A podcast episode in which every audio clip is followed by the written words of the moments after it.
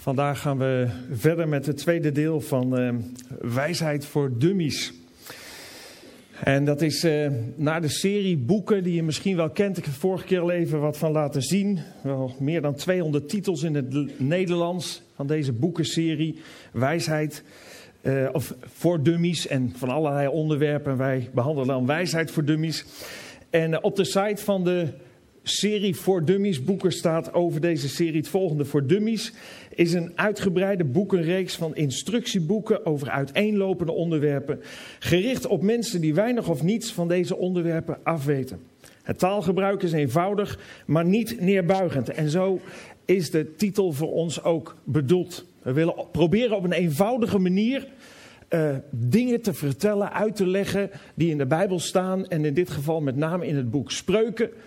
En dummies is niet bedoeld als neerbuigend, zo van dommertjes, luister even. Nee, het is bedoeld om een stuk uit te leggen van dingen die je mogelijk niet weet. En dan op een eenvoudige manier. Vorige week zijn we begonnen met het thema streef naar wijsheid. Dat was de inleiding voor deze serie. En waarom? Omdat wijsheid de weg naar geluk is. En gelukkig worden willen we allemaal heel graag. Dat weet ik zeker. Er zit hier niemand die niet gelukkig wil zijn. Maar dat vraagt iets van ons. En het zoeken van wijsheid helpt je de weg te vinden naar dat geluk. We nemen iedere dag een heleboel beslissingen. Soms over hele eenvoudige dingen, soms over dingen die veel ingrijpender zijn. En dan is het belangrijk dat je op het juiste moment de juiste beslissing neemt. En daar wil het boek Spreuken, daar wil dit Bijbelboek je eigenlijk bij helpen. Spreuken opgeschreven door een hele wijze koning Salomo. En daar heb je wat aan. Ik zei vorige keer, als je echt wat gaat doen met de onderdelen uit deze serie, en die is twaalf delen lang, dan gaat je leven veranderen. Ten positieve. Dat ga je zelf ervaren als positief. Dat gaat je partner als positief ervaren. Dat gaan je kinderen als positief ervaren. Dat gaan je werknemers, als je die hebt, als positief ervaren. Dat gaat je werkgever als positief ervaren. Je leven verandert wanneer je wat wil gaan doen met deze dingen. En daarom staat er ook in het Bijbelboek Spreuken de volgende tekst. Gelukkig wie wijsheid vindt, wie inzicht verwerft. Daar staat eigenlijk van harte gefeliciteerd als je wijsheid vindt en als je inzicht verwerft. Wijsheid levert meer op dan zilver. Ze brengt meer op dan goud. Ze is meer waard dan edelstenen. Alles wat men kan begeren is vergeleken met wijsheid niets. Alles wat je kunt begeren. Alle verlangens in je leven zijn niets vergeleken bij wijsheid. Eigenlijk gaat wijsheid daaraan vooraf. Nou, dat nog even ter inleiding van waar we vorige week mee zijn begonnen. We gaan nu naar deel 2 toe en dat heeft de titel, Neem het initiatief. Nou, wat is initiatief nemen? Initiatief nemen wil zeggen uit eigen beweging, zonder aansporing van iemand anders, actie ondernemen of actie in gang zetten in plaats van af te wachten. Er staan in het Bijbelboek Spreuken heel wat quotes, zijn vaak, ik noemde het vorige keer tegeltjeswijsheid, heel wat korte regeltjes, soms korte, wat poëtische verhaaltjes, die ons willen aanzetten tot actie. En er zijn ook heel wat uitspraken in dat boek Spreuken. Ja, die gaan over mensen die niet zo graag tot actie willen overgaan. Er worden luiaards genoemd in het boek Spreuken. Het komt niet alleen bij mensen voor, het komt ook bij dieren voor. Die luiheid.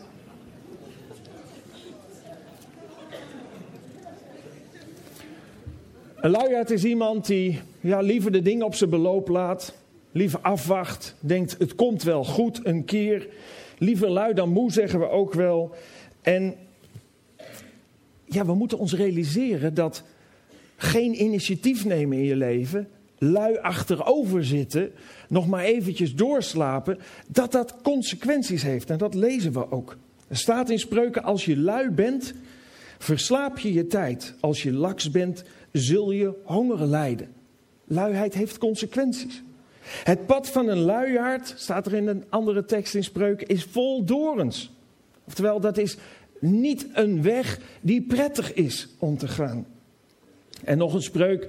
De manier van leven van de luiaard leidt hem naar de ondergang. Hij weigert met zijn handen te werken. Dus luiheid en laksheid, dat zijn dingen die negatieve consequenties in je leven hebben. Het is heel aantrekkelijk om het te doen, om lui te zijn. En dan heb ik het niet over uitrusten. Hè? We zeggen wel, na gedane arbeid is het goed rusten. Maar dus wel na gedane arbeid. Uitrusten hebben we allemaal nodig. Maar luiheid is niets ondernemen en ja, dat heeft negatieve consequenties. Is het dan zo dat mensen die lui zijn helemaal niks willen of geen verlangens hebben? Nee, dat is niet zo. Ook mensen die geen initiatief nemen, die lui zijn, hebben wel verlangens. Maar, zoals de boek Spreuken zegt, de verlangens van een luiaard worden niet vervuld. Een vlijtig mens wordt rijkelijk gelaafd. Of een andere tekst. Een luiaard ploegt niet in de herfst en vraagt zich in de zomer af waarom hij niet kan oogsten. Dus er zijn wel verlangens. Hij wil wel graag oogsten, maar hij heeft er alleen niet voor gedaan wat nodig was. Hoe langer je luiheid en initiatiefloosheid toelaat in je leven, hoe erger de verschijnselen worden. Spreuken staat, al heeft een luiaard zijn hand in de schaal, hij vindt het te vermoeiend om hem naar zijn mond te brengen. Zo erg kan het worden. Zie je het voor je, dat beeld? En iemand die met een hand in zijn bord ligt of zo en denkt, ja, hoe krijg ik het ooit hier naartoe? Ik heb er eigenlijk geen zin in. Zo erg kan het worden als je het gewoon maar toelaat in je leven. Zelfs de dingen die gewoon binnen handbereik zijn en waar je eigenlijk ten diepste wel naar verlangt, dat neem je nog niet tot je. En dan verzin je er van allerlei smoezen bij, ook nog om luid te zijn. Want ergens voel je wel dat wat je doet niet goed is. De luiaard staat er in spreuken, verzint allerlei uitvluchten. Ik kan niet gaan werken, zegt hij. Er loopt een leeuw buiten. Dat is mij te gevaarlijk.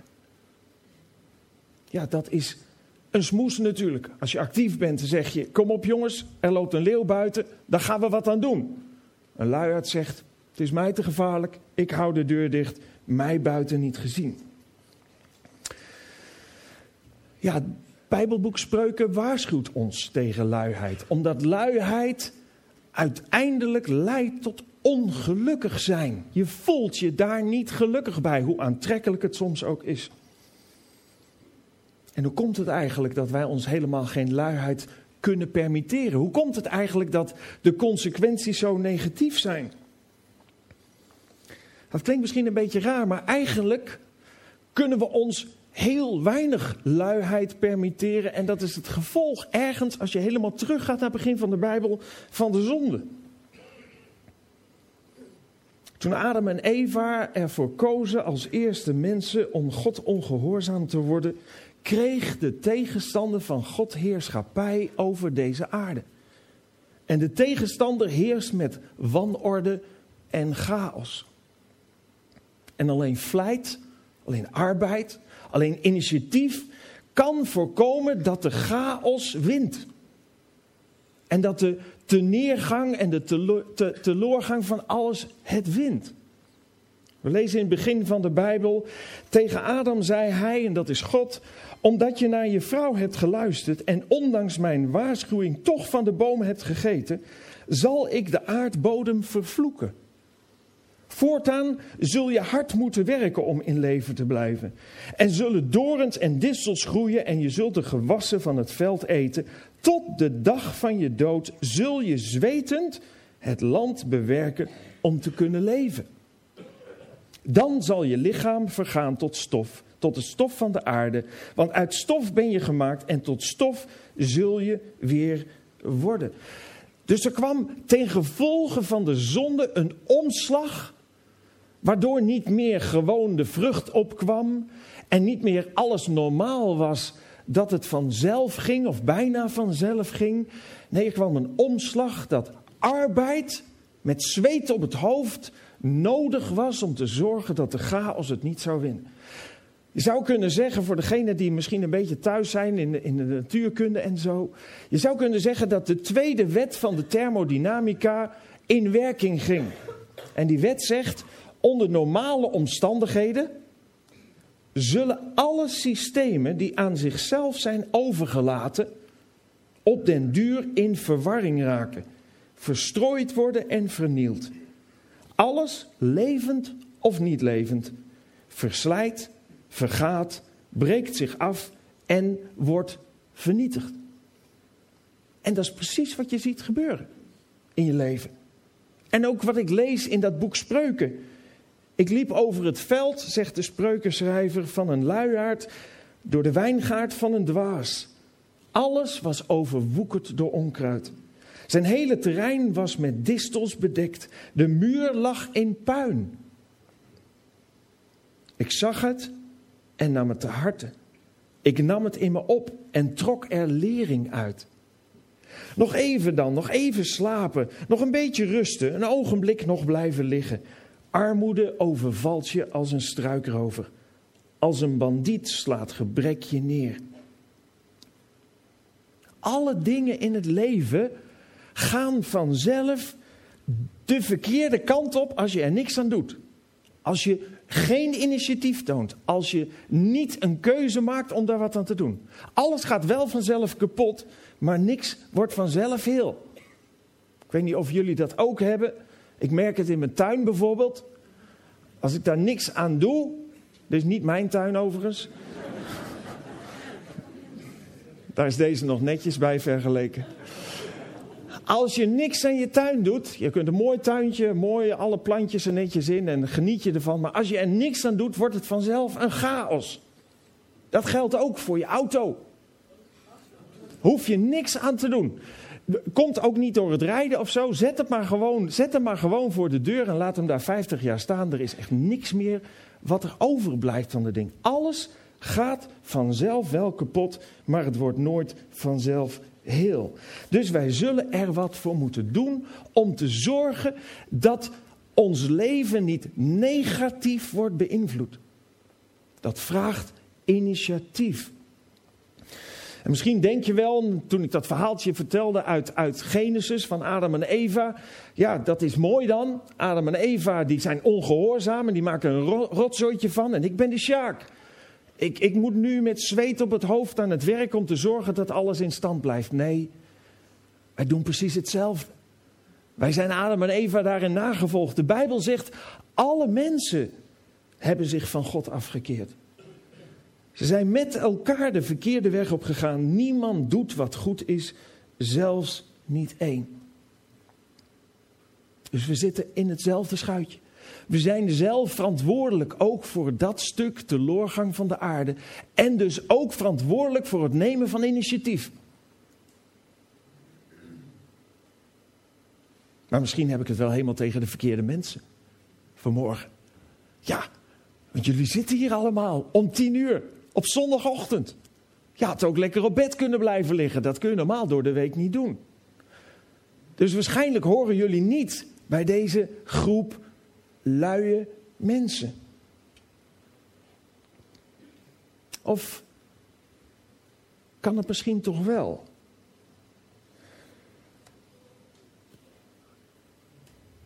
Het kan zijn dat je bekend staat zelfs om je initiatiefrijke leven, om je activiteiten die je hebt, om de enorme hoeveelheid dingen die je doet en dat je toch nog lui bent. Niet lui op alle terreinen van je leven. Nee, je zou kunnen zeggen selectief lui. Lui op een klein gebied, maar wat wel hele negatieve gevolgen heeft. Er zijn mensen die ontzettend hard werken in het bedrijfsleven. Die hun collega's de loef afsteken, die indrukwekkende prestaties neerzetten, maar die het met de opvoeding van hun kinderen niet zo nauw nemen. En daar het af laten weten geen initiatief tonen en zich ervan afdraaien. Er zijn mensen die heel actief zijn om andere mensen te helpen, maar hun eigen lichaam en gezondheid verwaarlozen. Selectief lui. Het is niet makkelijk om te stoppen met roken. Dat is moeilijk, daar moet je wat voor doen. Moet je initiatief nemen, dan moet je volhouden. Er zijn jongelui die heel actief zijn in het uitoefenen van sport. Zelfs in uitblinken. Nooit een training zullen missen. Maar het met hun studie niet zo heel erg nauw nemen. Selectief lui, maar wel op een terrein wat heel belangrijk is. Er zijn mensen die prima voor hun kinderen zorgen. Lieve en zorgzame vaders of moeders zijn. Altijd voor hun kinderen klaarstaan. Maar het omgaan met geld niet zo nauw nemen. Selectief lui en zich op dat terrein juist in de nesten werken. Er zijn mensen die heel actief zijn in de kerk, alle beschikbare tijd geven, maar hun huwelijk verwaarlozen. Selectief lui. Initiatief ontbreekt op toch een heel belangrijk onderdeel in je leven. En misschien ken je zelf ook wel voor je eigen leven die, die zorgvuldig afgebakende zones waarin bij jou laksheid heerst. Waar, waarin bij jou luiheid is. En vaak is het zo dat die, dat die luiheid op terreinen is in je leven die, die toch heel essentieel zijn. En een heel negatieve invloed hebben op je leven, op het je gelukkig voelen. Nou, zeg je misschien, ja, maar je kunt toch niet alles goed doen? Nee, je kunt ook niet alles goed doen. En toch is het goed om te kijken naar welke terreinen ben ik lui. Waar laat ik het afweten en hoe verhoudt zich dat ten opzichte van de terreinen waar ik wel heel actief ben? Is dat ook wel belangrijk om daar zoveel tijd en energie in te steken en het juist op het andere terrein te laten liggen? Waarom waarschuwt God ons tegen luiheid? Ik zei het aan het begin al. Omdat God zo ontzettend veel van ons houdt. En zo graag wil dat we gelukkig zijn. Dat is de reden dat God ons daartegen waarschuwt. En niet tegen luiheid alleen. Nee, tegen een heleboel onderwerpen. Een heleboel regels die God geeft. En uitgangspunten en richtingwijzers voor ons leven. Geeft hij niet om ons te beperken, onze bewegingsvrijheid. Of om onze leven zuur te maken. Maar omdat hij zoveel van ons houdt en wil dat we gelukkig zijn. Spreuken komen we ook een advies tegen. Ga naar de mieren, luiaard. Kijk hoe ze werken en word wijs. Hoewel er onder hen geen leider is, geen aanvoerder, geen koning, halen ze in de zomer voedsel binnen, leggen ze in de oogsttijd een voorraad aan. Hoe lang nog, luiaard, zul je blijven slapen? Wanneer kom je uit je bed? Nog even dan. Nog even slapen, nog een beetje rusten, een ogenblik nog blijven liggen. Armoede overvalt je als een struikrover, gebrek slaat je neer als een bandiet. De mier neemt initiatief omdat hij weet, in dat geval als um, geprogrammeerd, laten we maar zeggen, het komt niet goed als hij niets doet. Hoe lang blijf, hoe lang blijf jij nog denken dat het vanzelf goed komt. Dat het vanzelf goed komt met je kinderen. Dat het misschien vanzelf wel goed komt met je huwelijk. Of met je werk. Of met het feit dat je geen werk hebt. Of met je gezondheid. Dat vanzelf wel goed komt met je gewicht. Of met je schulden. Of is er misschien een moment aangebroken waarop je realiseert dat jij zelf de oplossing in handen hebt. En dat alleen jij het bent die initiatief kunt nemen. Er komt eens een dag, zeg je misschien, dan zal ik zin hebben om wat met mijn leven te gaan doen. Of dat ik eerder op zal staan. Er komt eens een dag dat ik niet meer zoveel tijd en geld zal verspillen aan feesten en uitgaan. Er komt een dag dat ik op tijd aan mijn huiswerk zal beginnen. Of dat ik de, de, de baan van mijn leven zal treffen. Of er komt een dag dat de bank de gegevens van mijn creditcard zal kwijtraken.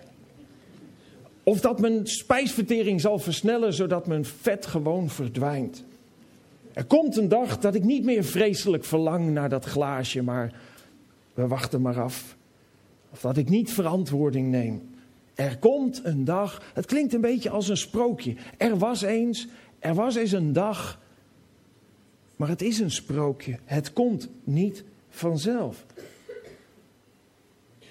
Op welk terrein in jouw leven moet jij aan de slag?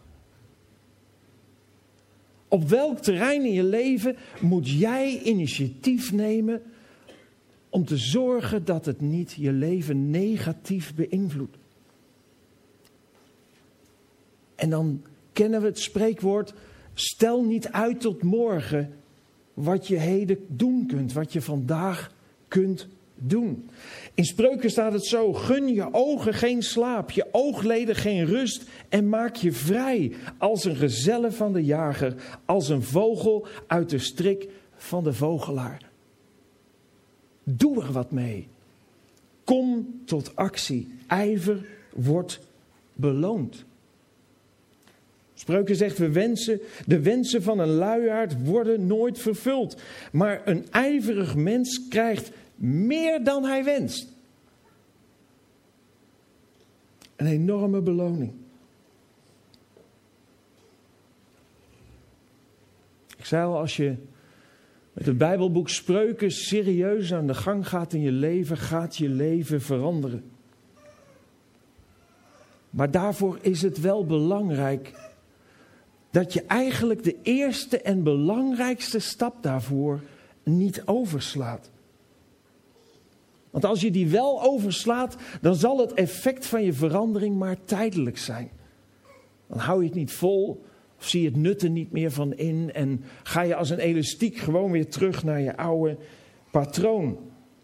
Nee, Spreuken zegt het volgende. Alle wijsheid komt voort uit ontzag voor God. Op een andere plek staat, ontzag voor God is het begin der wijsheid. Daar begint het allemaal. Wie geen ontzag heeft voor God, minacht ook de levenswijsheid en laat zich niet leiden. En waar begint ontzag voor God? Dat is eigenlijk een heel lastig punt. Want ontzag voor God begint eigenlijk op het moment dat je bereid bent om God te zien en te aanvaarden en te erkennen als schepper van jouw leven. Als schepper van hemel en aarde. Wanneer je begint in te zien en erkent dat je een zondaar bent. Dat je van God gescheiden bent geraakt door de zonde. Ontzag voor God begint op het punt waar je de Heer Jezus Christus ontmoet. En waar je de, de prijs die Hij heeft betaald voor onze zonde aanvaardt. Ik zei net al, alle mensen hebben zich van God afgekeerd. Die tekst lazen we net. We zijn met z'n allen de verkeerde weg op gegaan. Niemand doet wat goed is, zelfs niet één. Door de zonde is er een breuk ontstaan tussen God en ons mensen. En die breuk voel je. Als je nog nooit die stap in je leven hebt genomen om te accepteren dat God God is. En in te zien dat je een zondaar bent, dan is er een scheiding tussen jou en God en dat voel je van binnen. Je ervaart die leegte. Daarom zijn mensen ook op zoek naar zingeving in hun leven. Dat is iets wat je ervaart als een gemis aan vrede, een gemis aan rust, een gemis aan geborgenheid en een gemis aan onvoorwaardelijke liefde. Iets dat alleen bij God te vinden is. En dan lezen we in de Bijbel, want God had de wereld zo lief dat hij zijn enige zoon heeft gegeven. Opdat iedereen die in hem gelooft niet verloren gaat, maar eeuwig leven heeft. Misschien kun je vandaag het allerbelangrijkste initiatief nemen wat je ooit in je leven zult kunnen nemen. En dat is het aanvaarden en het accepteren van het offer wat de Heer Jezus Christus voor jou heeft gebracht. Toen hij aan het kruis hing, hing hij daar om voor jou en mij de prijs te betalen voor de zonde. Om, om God aan de ene kant en jou en mij aan de andere kant te verbinden door zijn liefde. En ons nieuw leven te geven. Een leven met perspectief. Een leven waarbij God aanwezig is. Een leven wat doorgaat zelfs over de grens van de dood heen. In de Bijbel lezen we dat Petrus op een gegeven moment een toespraak houdt. Aan mensen uitlegt hetzelfde waarom Jezus is gekomen en wat hij heeft gedaan. En dan lezen we, toen zij dit hoorden, werden zij diep in hun hart getroffen. En zij zeiden tot Petrus en de andere apostelen, wat moeten wij doen, mannen, broeders?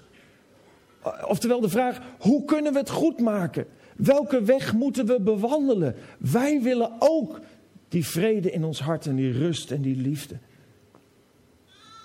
En Petrus antwoordde hun: Bekeert u en een ieder van u laten zich dopen op de naam van Jezus Christus. Tot vergeving van uw zonden, zodat je zonden vergeven zullen worden. En gij zult de gave van de Heilige Geest ontvangen. Dat is de belofte. Op het moment dat je de keuze maakt om het offer van de Heer Jezus te aanvaarden en Hem na te volgen, ontvang je zijn geest, ontvang je Gods geest. En Gods geest geeft nieuw leven. Dan gaat je leven veranderen. Dan zul je in staat zijn om ook deze dingen uitspreuken toe te passen in je leven.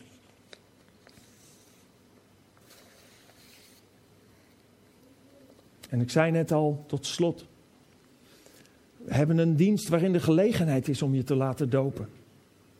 De doop is eigenlijk een uiterlijk teken, een symbool, een initiatief, een stap wat je neemt om te laten zien wat je in je hart besloten hebt. Dat je besloten hebt om het offer van de Heer Jezus te aanvaarden en Hem te willen navolgen. En voor iedereen die wil, is die gelegenheid er. Je hoeft niet op een cursus of je hoeft het niet aan te vragen. Net zoals we het in de Bijbel zien. Mensen werden uitgenodigd, net zoals Petrus hier zei. Bekeer je, keer je om. Ga niet langer bij God vandaan, maar naar Hem toe. En laat je dopen. En die uitnodiging geldt ook voor jullie allemaal. Als je nooit eerder als volwassene bent gedoopt nooit eerder die keuze hebt gemaakt in je leven. Als je Hem wil navolgen, dan is die uitnodiging er. En de, doe straks, we gaan straks een lied zingen. En tijdens het lied heb je de gelegenheid om die keuze te maken. Gewoon erop te staan, hier door dat gordijn heen te wandelen. Je om te kleden. We hebben natuurlijk, als je er geen rekening mee hebt gehouden, we hebben voor iedereen kleding daar om je in te laten dopen, zodat je gewoon met je eigen kleren weer naar huis kunt straks. Neem het initiatief. Neem die belangrijkste stap in je leven. Om daadwerkelijk antwoord te geven. Om die uitgestoken hand van de Heer Jezus Christus aan te nemen. Te zeggen, ja, dat wil ik. En ik wil het zichtbaar maken. We gaan bidden met elkaar. Dank u wel, Heere God. Dank u wel dat we ja, mogen weten dat u nog steeds uw hand naar ons uitstrekt. Dat u van ons houdt en dat u zo het verlangen heeft, Heer, ook om, ja, om een relatie met ons te hebben. Wilt u ons helpen, Heer, om te begrijpen dat, dat ja, onze zonden een, een blokkade zijn om tot u als heilig God te komen? Help ons om te begrijpen dat u het meest kostbare heeft gegeven. Uw eigen zoon. Die naar deze aarde kwam om te sterven en de prijs te betalen van onze zonde. Ik wil u zo bidden, Heer, of u ons hart wilt aanraken.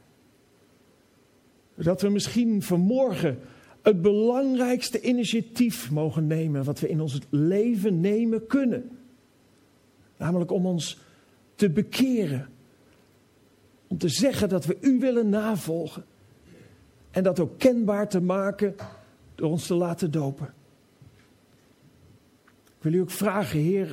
Het kan zijn dat er mensen zijn die deze keuze al heel veel eerder hebben gemaakt. Maar zich nog nooit als volwassenen hebben laten dopen. Dan wil ik u ook bidden, Heer. Raak ook hun hart aan, zodat ze dit belangrijke symbool wat u gegeven heeft, dit krachtige symbool van de doop, dat ze ook zullen kiezen om dat te willen ondergaan. Heer, om duidelijk te zijn in de keuze die ze hebben gemaakt. Heer, ik wil u zo bidden, wilt u ons hart aanraken met uw liefde? Dat vragen we u zo in Jezus' naam. Amen. Amen.